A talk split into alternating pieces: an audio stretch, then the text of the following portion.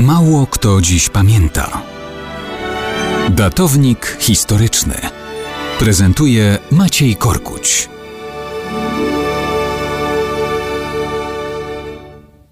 Mało kto dziś pamięta, że 21 czerwca 1305 roku królem Polski został Wacław III, jeden z najbardziej zapomnianych naszych władców. Zresztą równie rzadko pamiętamy, że w ogóle pełnoprawnymi królami Polski byli także władcy z czeskiej dynastii Przemyślidów. Skądinąd był to polski król, który do Polski jechał, ale nie dojechał. Ojciec Wacława III to król Czech i Polski Wacław II. Prowadził on ambitną politykę dynastyczną. To dlatego dziewięcioletniego syna wydał za córkę ostatniego władcy z węgierskiej dynastii Arpadów. Wacław Junior dzięki temu jako dwunastolatek został w Budzie koronowany na króla Węgier.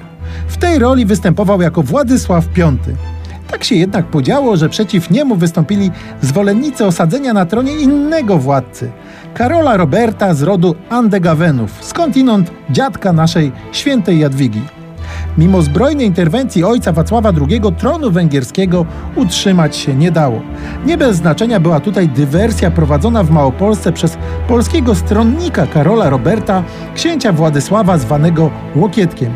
W takiej sytuacji ambitny Wacław II umiera, a 16-letni Wacław III i Władysław V w jednym zostaje królem Czech i królem Polski jednocześnie. Trzeba było zlikwidować część kłopotów. Już jesienią 305 roku Wacław zrzeka się korony węgierskiej. Musi się zająć Polską, gdzie Łokietek opanował ziemię sandomierską, a możliwe też, że również Kraków. Przygotowując wyprawę do Polski, zwrócił się o pomoc do Krzyżaków i Brandenburgii, tym ostatnim deklarując gotowość odstąpienia Pomorza Gdańskiego. To zupełnie podkopało jego pozycję w Polsce. Na czele zbrojnej wyprawy ruszył w stronę kraju. Był blisko, jednak już 4 sierpnia 1306 roku podczas postoju w Ołomuńcu otrzymał trzy skrytobójcze ciosy sztyletem. To był koniec ostatniego władcy z rodu Przemyślidów, króla Polski, który do niej jechał, ale nie dojechał.